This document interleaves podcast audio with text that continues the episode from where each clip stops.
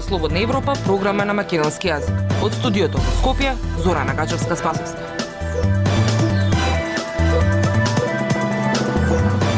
Почитувани, го слушате неделното интервју на Радио Слободна Европа. Наш гостин е председателот на самостојниот синдикат на новинари и медиумски работници Павле Беловски. Со него разговаравме за резиците што со себе ги носи новиот владин предлог за приватните национални телевизии да имитуваат реклами за јавни кампањи кои ќе се платат со државни пари. Новите начини за притисоци врз новинарите како и за состојбата со слободата на медиумите. Слушајте не. Беловски, во игра повторно се владини реклами во приватни медиуми. Дел од новинарите преку неколку новинарски издруженија ја бойкотираа првата јавна расправа за овие законски измени.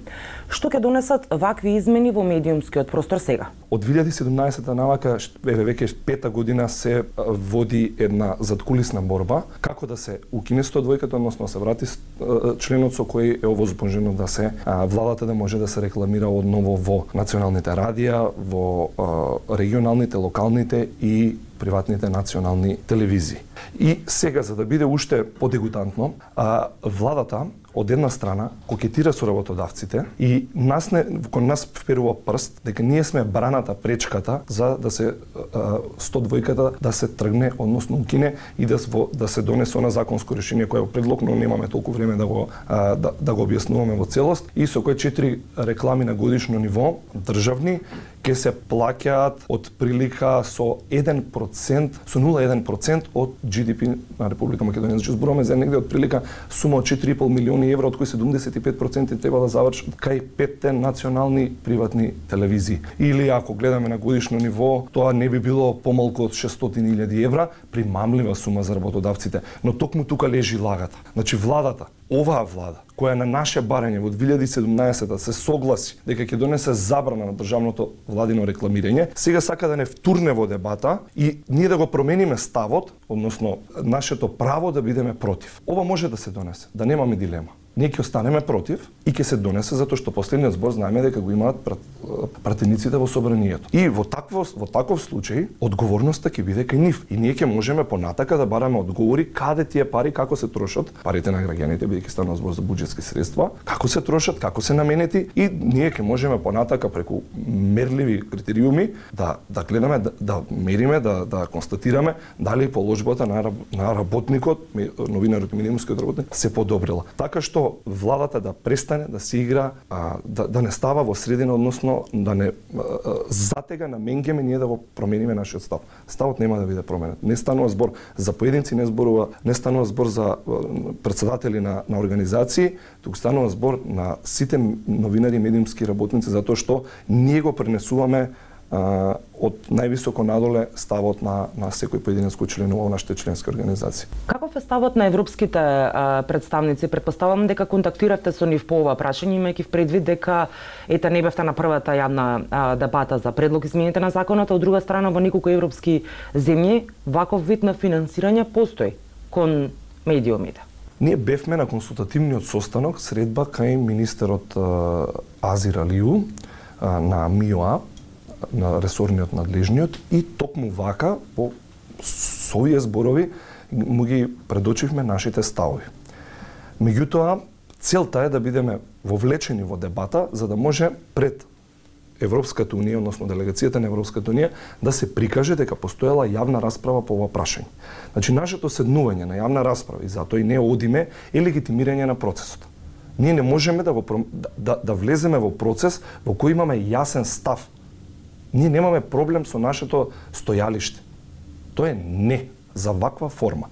Е сега, затоа што а, може би некому оди во корис кога зборувам мака категорично, затоа за да, да не бидеме погрешно сватени, ние имаме неколку аргументи, односно имаме неколку предлози со кои можеме а, да ја изрелаксираме, да се помогне на на, на, на медиумите, особено на локалните, регионалните, па и на националните, за кои маркетинг колачот се стеснува, буквално како и го снемува а, како можност, затоа, еве, заедно со Сдруженијето на новинари на Македонија го предлагаме фондот, кој би носел и поголема сума на средства од буџетот. Што во пракса значи фондот за медиумски содржини? Една, една, една форма на државни средства во медиумите постои во Франција, Белгија, постои и државни кампањи постојат. Меѓутоа таму не се сочиле со ваква лоша пракса како што ние имавме. Така што ние не можеме така банално да, да ги компарираме работите. Од друга страна, па еве, да откриам, во Франција постои од 1987 година олеснување за сите вработени медиумски работници 10% од давачките кон државата за за вработување на медиумски работници. Че од 3 оние 32-3%, 10% државата прави олеснување на работодавците. Од 1987 година, зашто не зборуваме за тој предлог? Зошто во пракса не профункционира промедија според идејата во соработка со Стопанска комора да се истиснат непрофесионалните медиуми од рекламниот колач кој што го делат а, онлайн медиумите? Тука доаѓаме до едно суштинско прашање, кои се непрофесионалните медиуми, онлайн медиуми? И ние, нели, можеме да лицитираме со неколку Маријан Доказ, Саше Политико, да аплицираше во промедија, ја откривам, не беше примен. Меѓутоа, многу професионални медиуми кои се во промедија, а ги исполниле критериумите, нели, навеле импресум, собствеништво, и ги исполнуваат сите критериуми на, на промедија како таква замислена да, да постои, понатака не се не делуваат, не пишуваат етички и во во е, со нашите новинарски стандарди во корелација, а се во промедија. Значи, ова прашање кога би го зачнале, пак доаѓаме до таа саморегулација или блага регулација која се заговара, меѓутоа јас тука би подлекол црвена линија, ние не можеме да правиме нешто на своја рака додека во моментов во Европската унија размислува за а, а, регулација и саморегулација на да конципира решение во рамки на Европска унија, нормално ние сме кандидат земја членка, земја која претендира да биде членка, така што јас мислам треба овде да почекаме. Се зборува само регулација, блага регулација, овие теми се долго време актуелни во во земјава во однос на медиумите. Што е овој пат различно ставено како предлог на маса кој што се разгледува? За жал и волја на вистината, а, како некоја додадена вредност многу доаѓа потребата за дополнителни средства, а тоа е финансирање на онлайн медиумите од со државни средства. Па ајде да се отиде понатака во овие предлози кои сега нели не се официјални, се уште не можам да кажам дека дека се добиле печат од нас членските организации за не сме ги минувале. Меѓутоа она што загрижува е одново дека се соочуваме со финансиски слаби медиуми, онлайн медиуми, кои не може да ги исполнат условите, основните услови за за развој на поединецот новинарот и медиумскиот работник, да му возможат сигурно работно место, да се почитуваат законот за работни односи, за колективен договор сме далеко и да зборуваме. Така што пак сметам дека го земам со резерва целиот овој процес, затоа што на крај не сакам да поверувам дека смислата, есенцијата на неговото представување само да се дојде до некакви државни средства и, и да се живурка што велиме како медиум, што тоа го гледаме со децении веќе во Република Македонија. Имаме толку многу медиуми кои живуркаат само. Последните извештаи на меѓународните новинарски организации покажуваат подобрување на состојбата со слободата на медиумите. Односно, задоволителна состојба на медиуми е точната а, формулација. А, каква е состојбата реално на терен? Македонија ни збројка до која дошла синдикатот а, на новинари и медиумски работници, а тој дека 63% нашите истражувања велат дека а, новинарите во Република Македонија земат под, под примања под просечната плата.